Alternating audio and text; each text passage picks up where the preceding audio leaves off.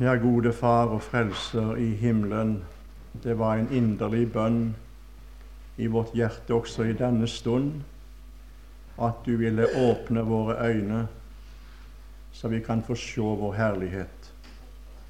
Få se din herlighet, men også få se den herlighet og den stilling som vi får ha i vårt forhold til deg. Herre, slik at vi kunne få lov å bli rike i vår ånd og vår glede kunne bli mer fullkommen og sterk, og takken kunne stige mer imot din nådetrone. Herre, vi takker deg for timen som vi har fått være med på i forrige time. Men vi ber også, Herre, la oss få lov å kjenne det på samme måte nå. At vi får glede oss over at vi får lov å eie dette samfunn med deg, som vi nå skal tale med en annen om. Herre, ta min tunge, tem dens tale. Gjør den til din sannhetstolk, så jeg levende kan male Kristus deilig for mitt folk. Det ber jeg om i denne stund i Jesu navn. Amen. Ja, emnet som vi prøver å si litt om, det kjenner det til fra forrige time. Det er menigheten Kristi legeme. Og Vi sa det her, vi skal ikke repetere noe særlig på det. Eh, det er klare ord i Bibelen hva menigheten er for noen ting. Det er de som hører Kristus til, som han har vunnet med sitt blod, som han har kalt ved sin ånd inntil Kristus, inntil seg. Og det er disse mennesker som har fått eh, innse, fått innseil eller stempelet på seg. Den hellige ånd er et innseil, et pant på at vi hører Kristus til og er arvinger. Dette kan ikke jeg repetere mer nå, men jeg vil gjerne si det som jeg sa i forrige time, at det er en veldig herlig bilde som vi møter i Skriften. Og ikke bare et bilde, men det er en virkelighet som vi får lov å eie i vårt forhold til Kristus. Det er et sterkt uttrykk som apostelen bruker når han snakker her om at, at menigheten, de troende, er en kristig, kristig legeme. Et jordisk legeme. Slik står vi i vårt forhold til Han. Og Vi leste det i forrige time. Vi er alle døpt med én ånd til å være ett legeme. Vi har alle fått én ånd å drikke.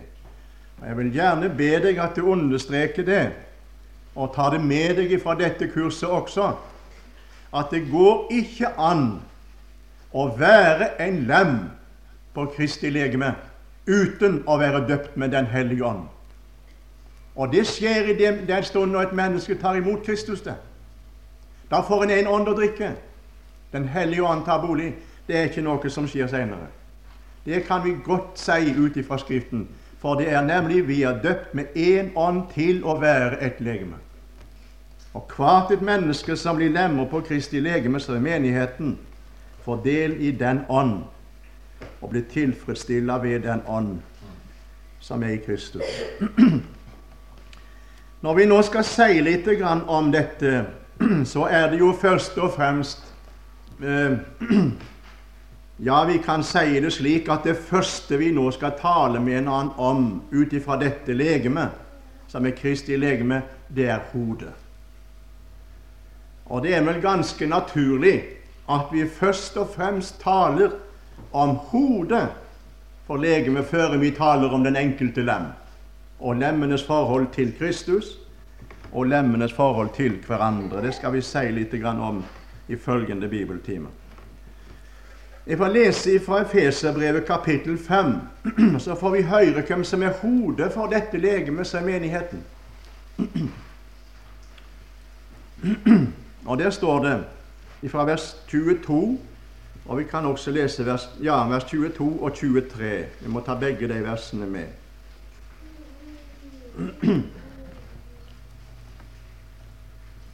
Der står det i hustruer underordne eder under eders egne menn som under Herren.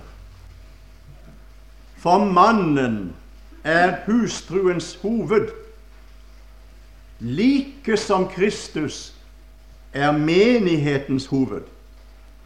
Han som er sitt legemes frelser. Altså Her ser vi klart og tydelig hvem det er som er menighetens hoved. Legeme eller hoved for legeme. Det er Kristus. Og så sier apostelen noe veldig fint her som vi skal komme inn på i følgende time litt mer om, nemlig at han som hodet for legemet er sitt legemes frelse. Han har interesse av å frelse sin menighet, frelse sitt legeme heim til himmelen. Det er ingen tvil om det. Det skal vi også se på. Altså Kristus er menighetens hoved, legemets hoved, og det er han som eier hele legemet. Det er jo klart at eh, et hode kan ikke være uten legeme, og et legeme kan ikke være uten hode. For hvis det bare var et legeme, kroppen, føtter og kropp og hender og fingre uten hode, så ville det slettes ikke kunne eksistere. Det ville ikke kunne leve.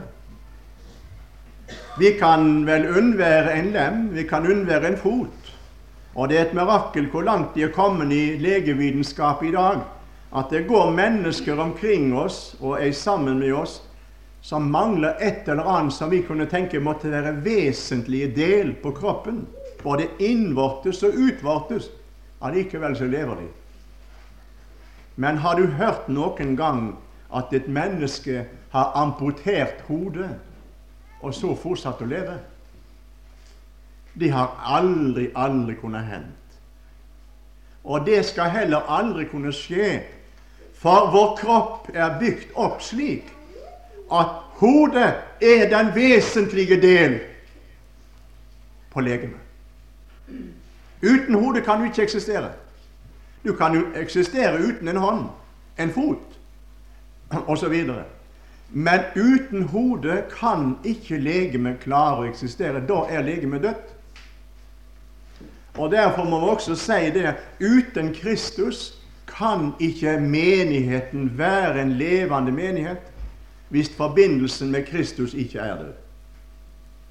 Og Derfor må vi understreke det for hverandre her i dag, nemlig dette at vi er i veldig behov for å ha forbindelsen med Kristus. Ikke bare første gangen når vi kommer, men hele veien igjennom. Og Jeg skal tale litt om dette å vokse opp til Han som er hovedet, og bli mer kjent med Han.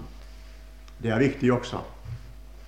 Jeg er veldig redd for at mange kristne stanser i sin åndelige vokster og det er alvorlig, for Bibelen taler nemlig om dette at vi skal bli mer kjent, vokse i nåde og kjennskap til vår Herre Jesus Kristus. Det er veldig viktig, det, for at ikke vi skal bli kasta og dreven hit og dit av en mange lærdomsvær, slik som Paulus skriver om det. Så du, eh, menigheten har Kristus som sitt hode, og det er han som er eier av dette legemet. Eh, vi kan vel eh, slå opp noen bibelord om det. For det første så vil jeg si det slik, for det står skrevet også Gud har gitt Kristus til menigheten, til de troende. Jeg har gjerne sagt det slik, og det høres vel gjerne litt underlig ut, men det er ikke underlig når vi tenker på det ut ifra Bibelens syn på det. Og det er dette her at Gud har gitt Kristus sønnen sin to ganger. Ja, har han virkelig det? Ja. I eh, Johannes 3, 16 heter det jo, vet du, at han, eh, Gud har elsket verden, at han gav sin sønn den enbårne, for at verden som tror på han ikke skal fortapes, men har evig liv. Han gav sin sønn, han gav Kristus til jord, og Kristus var villig å bli gitt som et sonoffer for våre synder, som vi har hørt så fint om. Men her i Feserbrevet 1 der finner vi det at Gud etter oppstandelsen etter at Kristus kom tilbake til himmelen og satte seg ved Faderens høyre hånd, har Gud gitt han gitt han til menigheten. Og Dette skal vi understreke for hverandre. Gitt til de troende. Derfor vil jeg gjerne lese fra Efeserbrevet 1, vers 15 og utover til og med vers 23. Derfor altså etter at jeg har hørt om deres tro på den Herre Jesus og med deres kjærlighet til alle de hellige, holder jeg ikke opp med å takke for eder når jeg kommer eder i hu i mine bønner, at vår Herre Jesu Kristi Gud, Herlighetens Fader, måtte gi eder visdom og åpenbaringsånd til kunnskap om seg, og gi eders hjerte opplyste øyne, så jeg kan forstå hvilket håp De Han har kalt dere til, og hvor rik på herlighet Hans arv er iblant de hellige. Dette kunne vi stanse litt ved. Det her tales ikke om arven som vi har i himmelen, men den arv som Kristus har iblant sine. Vi er kalt i Bibelen for hans arv. Det er han som skal eie oss for tid og evighet. Og hvor overvettet stor hans makt er for oss som tror, etter virksomheten av hans veldige kraft som han viste på Kristus da han oppvakte ham fra de døde og satte han ved sin høyre hånd i himmelen. Det har Gud gjort med Kristus. Over enhver makt sitter han, og myndighet og velde og herredom, og ethvert navn som nevnes ikke bare i denne verden, men også i den kommende. Og han la alt under hans føtter og så kommer det og gav han som hoved over alle ting til menigheten, som er hans legeme. Fylt av Han som fyller alt i alle. Jeg synes det er en veldig, en veldig sannhet, dette at Gud har gitt Kristus og sagt at Kristus skal være hodet, han som sitter ved Faderens høyre hånd, i herlighet skal være hodet for sine her på denne jord, menigheten som er hans legeme. Og da skjønner vi det, kjære venner, at vi har et vidunderlig fint hode, for å si det slik. Det har vi. Vi sang det her 'Den skjønneste er han av alle'. Guds deilige bilde på jord, og dog vil sitt sin broder han kalle med fattige synder som tror. Kristus ved Faderens høyre hånd er hodet for menigheten som er hans legeme. Og jeg veit ikke, jeg Det er vel en kjent sak for oss alle sammen at det er hodet som representerer. Det er ikke kroppen, det er ikke hendene, det er ikke føttene, men det er hodet som representerer hele legemet. Og la meg her nå i denne stund få si det at når du møter en mann du møter en mann eller kvinne, hvor det måtte være, som du kjenner, så sier du ikke 'Jeg ser det i han', og 'jeg ser det hendene, for jeg ser kroppen hans eller hennes. Jeg ser hendene hans. Jeg ser føttene hans. Men du kjennes på hodet, for hodet bærer nemlig ansiktet. Og jeg vil gjerne si det her i dag at når Gud ser oss, så kjenner Han oss i Kristus. Og vi skal få lov å vite det. Han representerer oss i himmelen, for han er hodet vårt i himmelen innenfor Gud.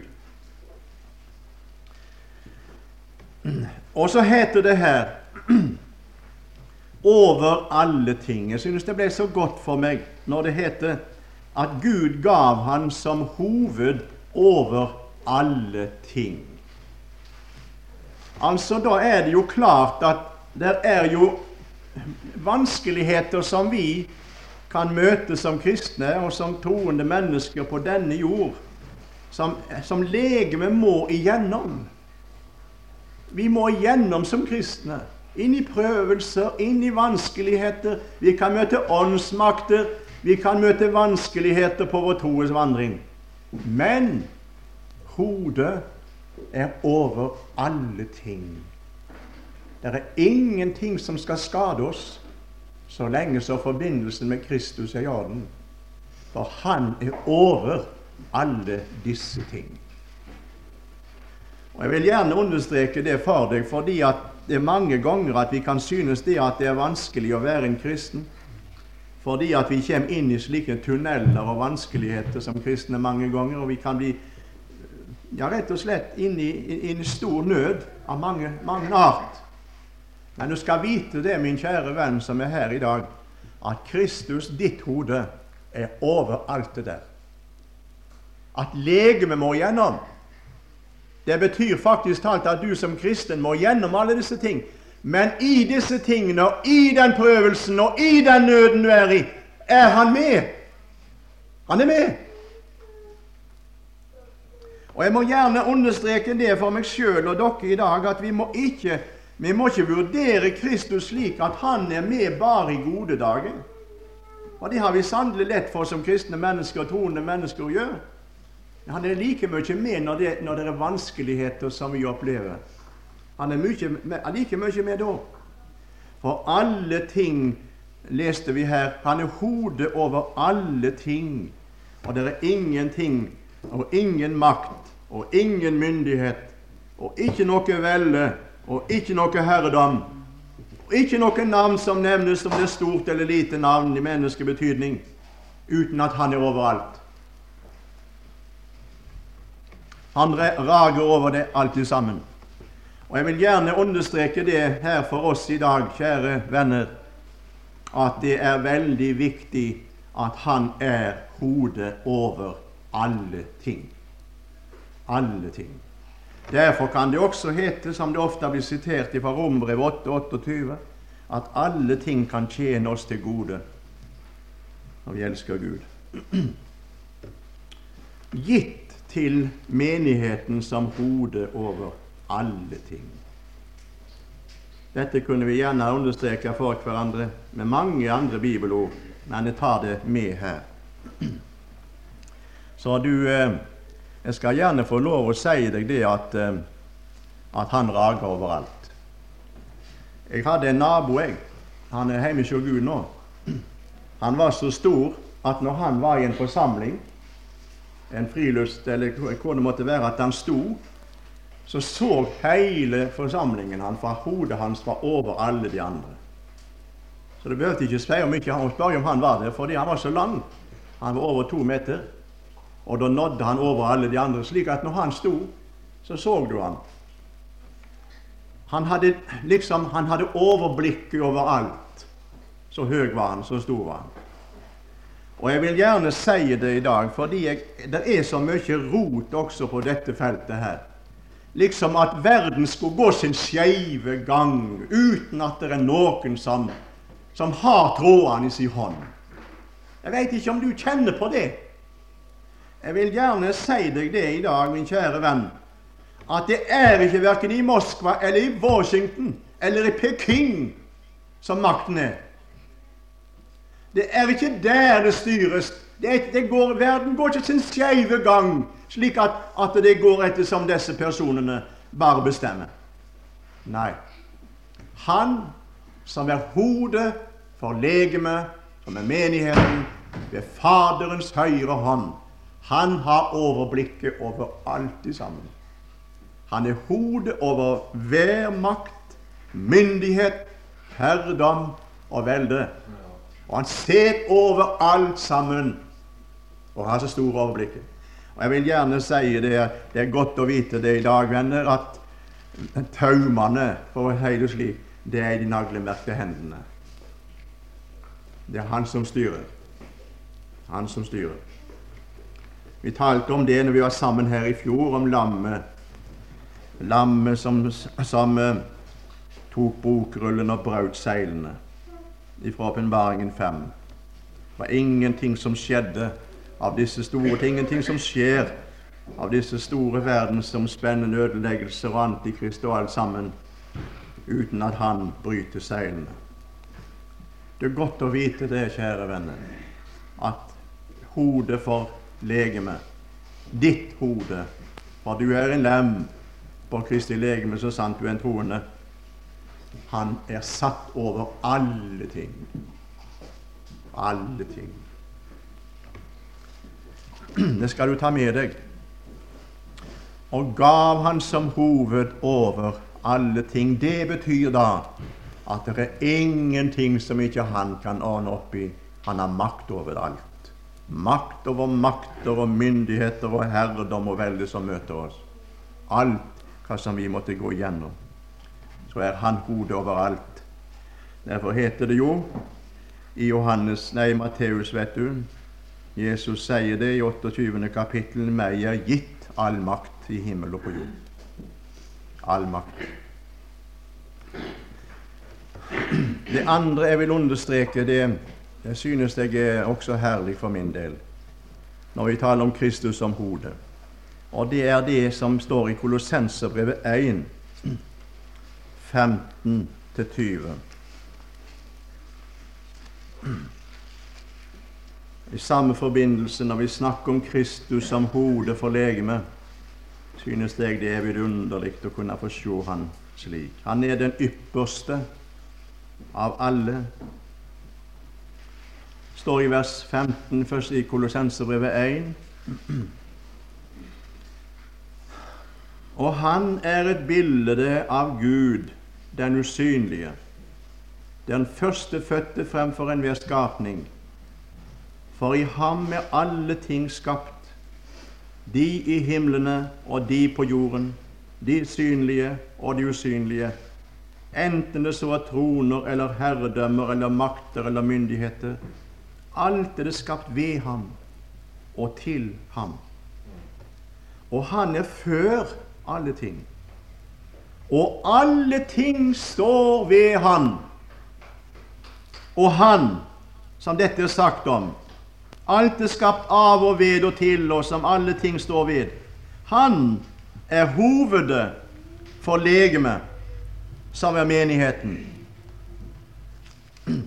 Han som er opphavet, den førstefødte av de døde, for at han i alle deler skulle være den ypperste.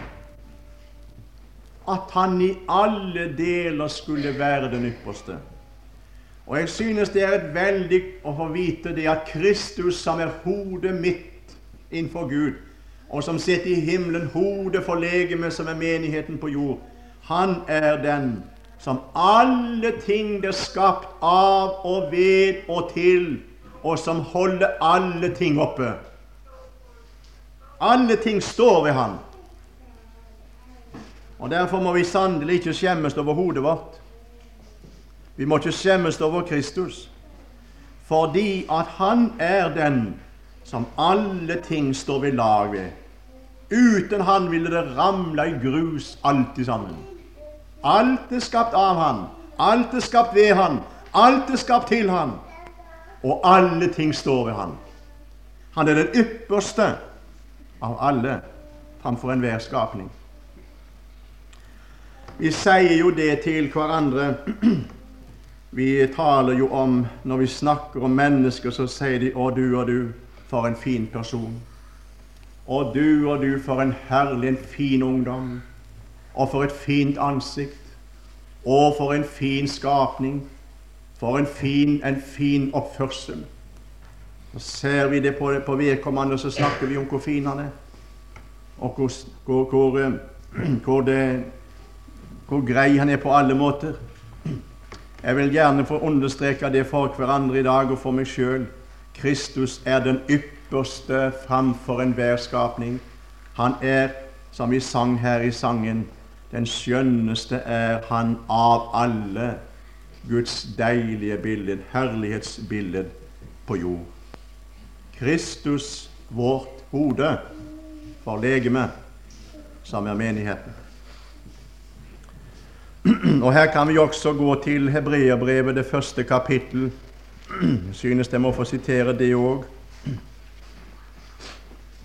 Han er den førstefødte og den ypperste fremfor enhver skapning. Og Her sier Hebreerbrevets forfatter i kapittel 1, når han taler om det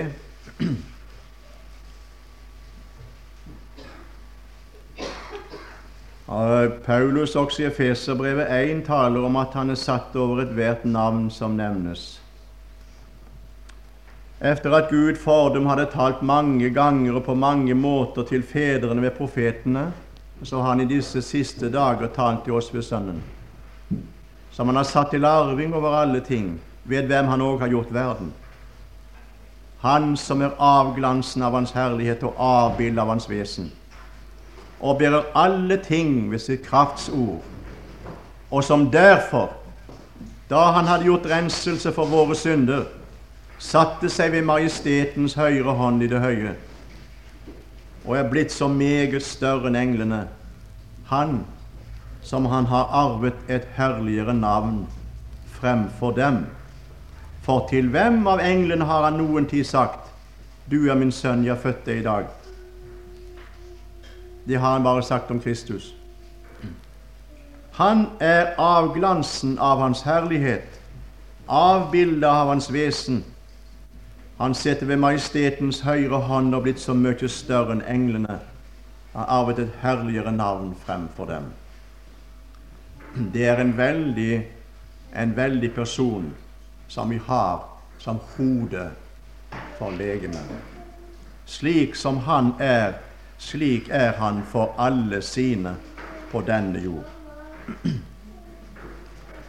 I første kapittel i åpenbaringen der har vi et bilde av Kristus, og jeg vil gjerne si det at det, det, er, det er, et veldig bilde som rulles opp for oss av Johannes når han får se, se Jesus på Patmos i sin herlighet.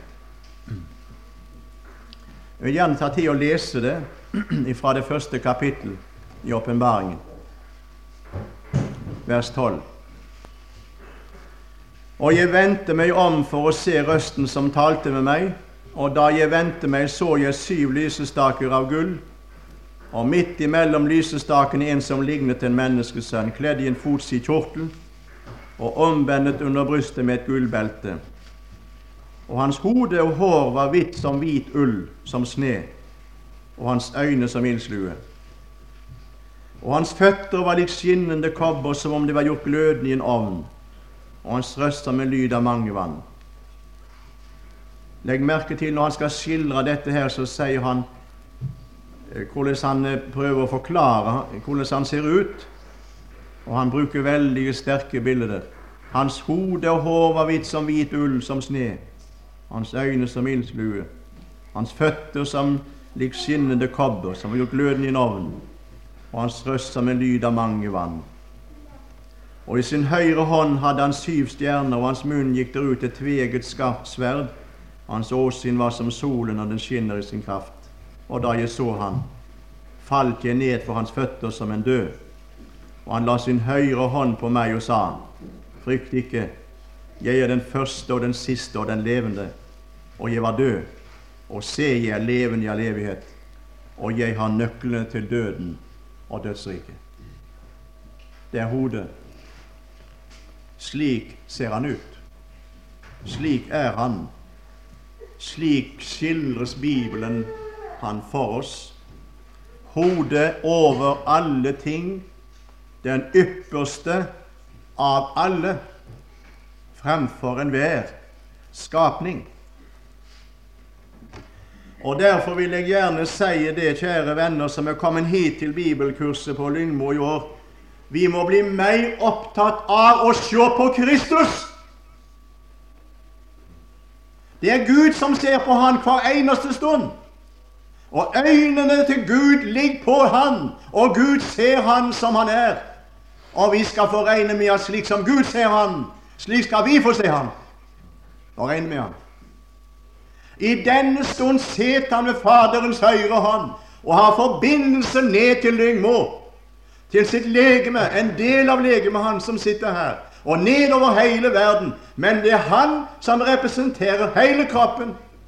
Slik han er, slik ser Gud også det vidunderlige legemet. Og regner med at like så fin som hodet er, er også legemet hans, som er på denne jord. Og jeg må gjerne si at det er veldig, et veldig behov for at vi kan få synge det med hverandre og be med hverandre den sangen som vi sang her tidligere i dag. Gi meg troens klare blikk på Jesus. Å, hvor vi trenger å be om det. Jeg er ikke sikker på at mange av dere, kjære venner, som er kommet hit, har opplevd det samme som meg. Det er det at vi er opptatt med stillingen, eller forholdet vårt i vårt hjerte. Ikke stillingen, men, men tilstanden og vurderer vår tilstand og vår himmel og salighet ut ifra det som skjer her inne. Det er det som er ganske feil. For saken er nemlig den vi er ikke representert for Gud i kroppen vår, i legemet vårt. Vi er representert for Gud i Kristus. Og det er det vi har hørt så herlig om i forrige time. Slik som Gud ser Kristus, slik ser han deg som hører Kristus til. Og Derfor jeg synes jeg det er vidunderlig å finne det at den tilstand som en kristen har, og stilling som en kristen har, stillingen, den har han i en annen person. Men tilstanden, vandringen, den kan føles sannelig både som Den kan være bølgevis, og følelsene kan svikte og skifte. Men Gud regner med at det som jeg er, det er jeg i Han som er hodet for menigheten. Kristus Jesus. Jeg er satt med Han i himmelen, skjult med Han i Gud. Og det er forholdet som jeg skal få lov til, og tilstand som jeg skal få lov til å regne med. Om jeg av og til også kan føle det på helt motsatt måte. Det er vidunderlig å kunne få ha et slikt hode og at jeg tilhører en, et, en kropp, et legeme, som er menigheten, med et slikt hode, som er det ypperste fremfor alle, og har overblikket over alle fordi han er underlagt alle ting. Og jeg vil gjerne si det at jeg tror, venner, at det er ingen tvil i mitt hjerte at har hodet Kristus nådd fram og sitter ved Faderens høyre hånd Det gjør han så skal han også få legemet sitt dit. Han er sitt legemes frelse. Det skal vi komme litt inn på seinere. Det er første Korinterbrev, kapittel 15. Jeg vil understreke litt av det òg. Første Korinter, kapittel 15 er veldig et avsnitt som vel ofte sjelden blir talt om, tror jeg. Jeg vet ikke. Men det står noe her. Vi er så veldig opptatt, mange av oss, når vi skal snakke om uh, vårt forhold som kristne, så blir vi mye opptatt med den gamle Adam, den vi arva ifra Edens hage. Men tenk om vi kunne bli mer opptatt med den andre Adam, eller den siste Adam, som er Kristus. Det er nemlig en ny stamfar som er kommet inn i bildet.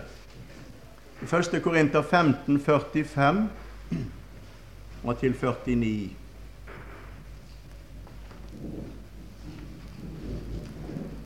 Således er det òg skrevet:" Det første mennesket Adam ble til en levende sjel.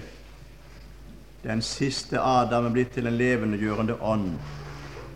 Men det åndelige er ikke det første, men det naturlige. Deretter det åndelige. Det første mennesket, det er Adam, var av jorden, jordisk. Og det annet mennesket av himmelen. Sådan som den jordiske var, så er òg de jordiske. Og sådan som den himmelske er, så skal òg de himmelske være. Jeg synes godt at det kunne stått slik som det står på engelsk oversettelse, og det er vel også i nokså nær kontakt med grunnteksten, det greske grunntekst. Der står det nemlig og sådan som den himmelske er, så er òg de himmelske. Her står det så skal òg de himmelske være. Det skal ikke være, men det er. Slik som Kristus er, slik er de som hører Kristus til. Slik som Adam var, slik ble vi, med den samme natur som han.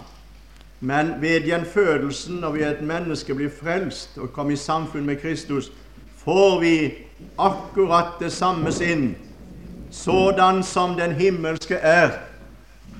Forholdet til Gud, så er òg de himmelske. Og like som vi har båret den jordiske spillede, skal vi jo bære den himmelske spillede.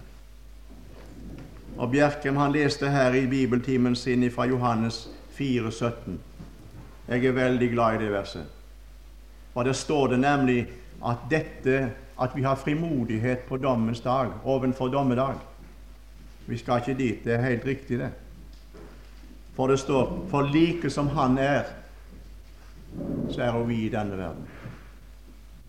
Og Jeg kan ikke se det på noen annen måte enn at når vi er i Kristus, så er vi i den personen som faktisk talt Gud har en gang for alltid, og som vi hørte det i bibeltimen, straffa synden. Dommen ble lagt på han, straffen lå på han.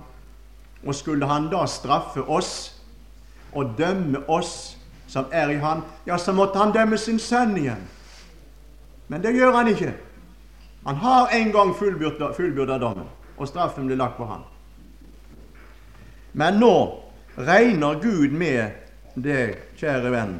Han regner med det, og det skal du få lov å regne med, at slik som Kristus er for hans åsyn, så hellig, ulastelig, ustraffelig, fullkommen og rein, slik som den oppstandende Kristus er ved Faderens høyre hånd, slik regner Gud med at du er i ham.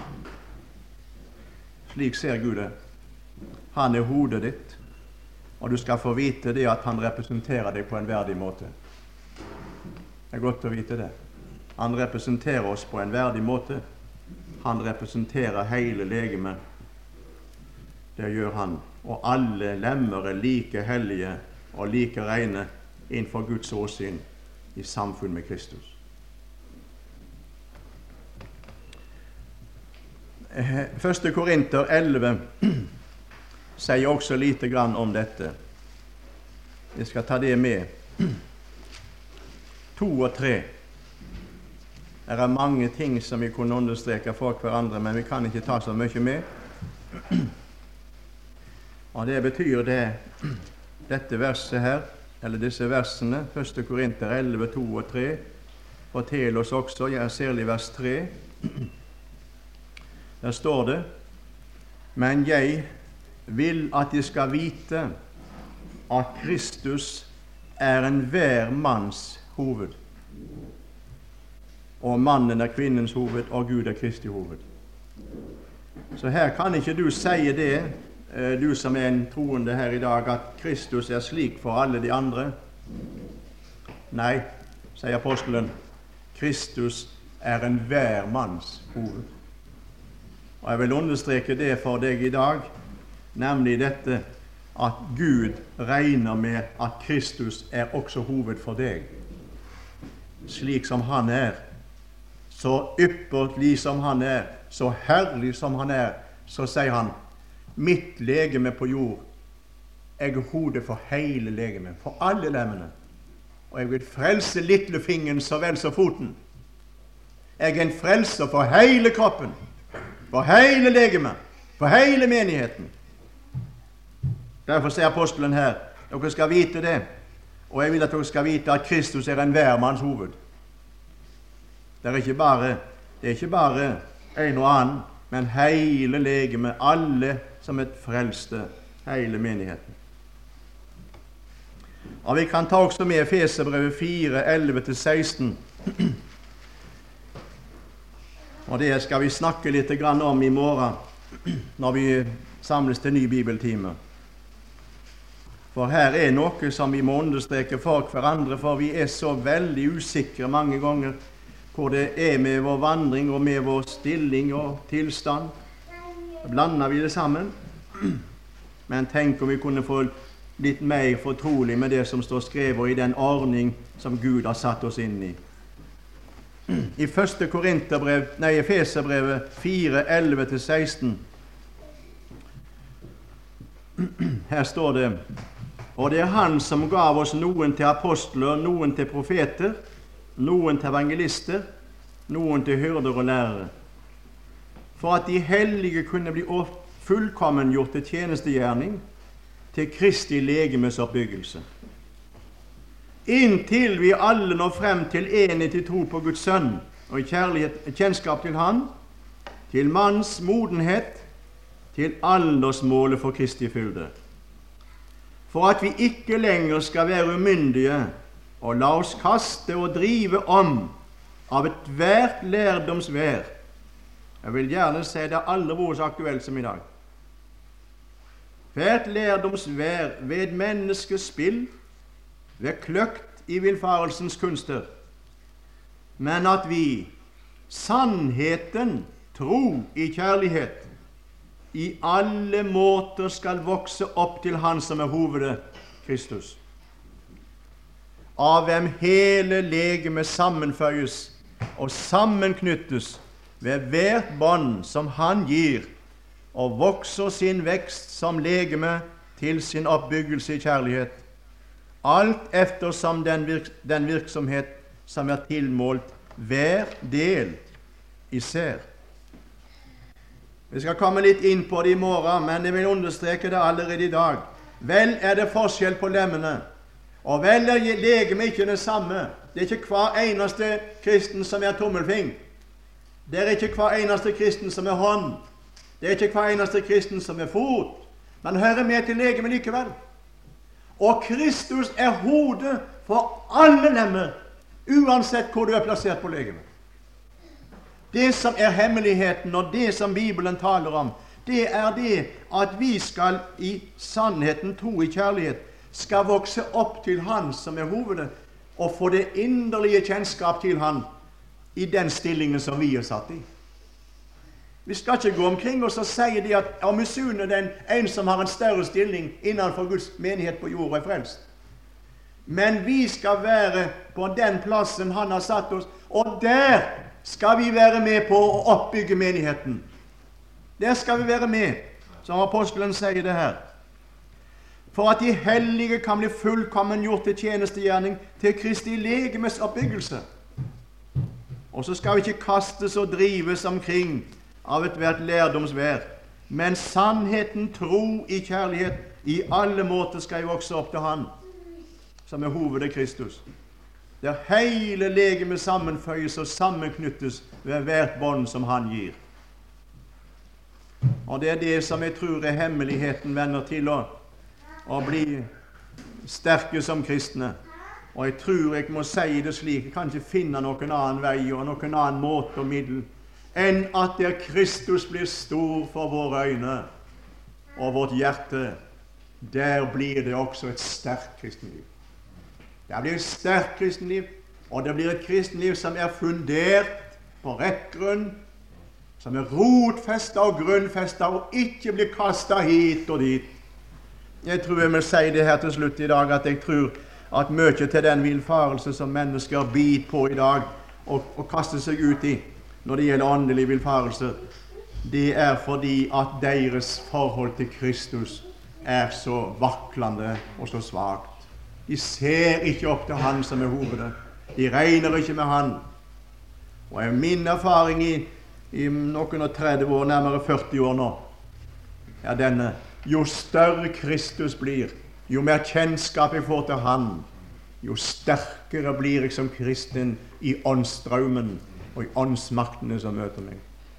Derfor trenger vi kjenne, kjenne Han. Og apostelen han sier det, og Peter sier det.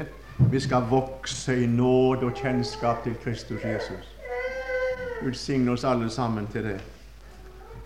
Herre, vi vil be at du må velsigne disse tanker også, og sannheter.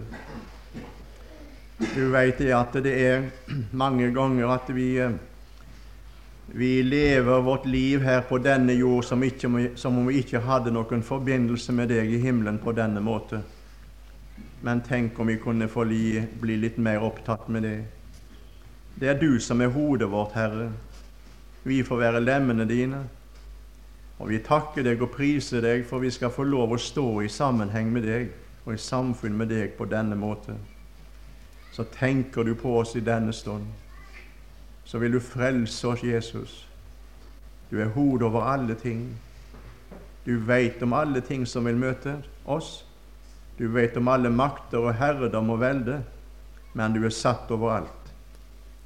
Og Herre, slik som du ser Kristus, så ser du oss, og vil takke deg, Jesus, fordi at du representerer oss på den måte som vi må representeres for Guds åsyn.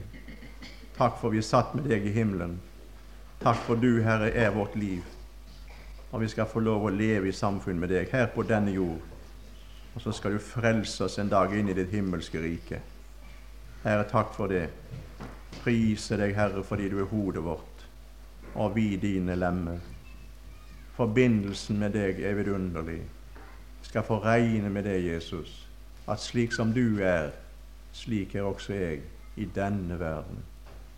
Og du signer dagen videre for oss og møtet i kveld og kurset videre. Amen.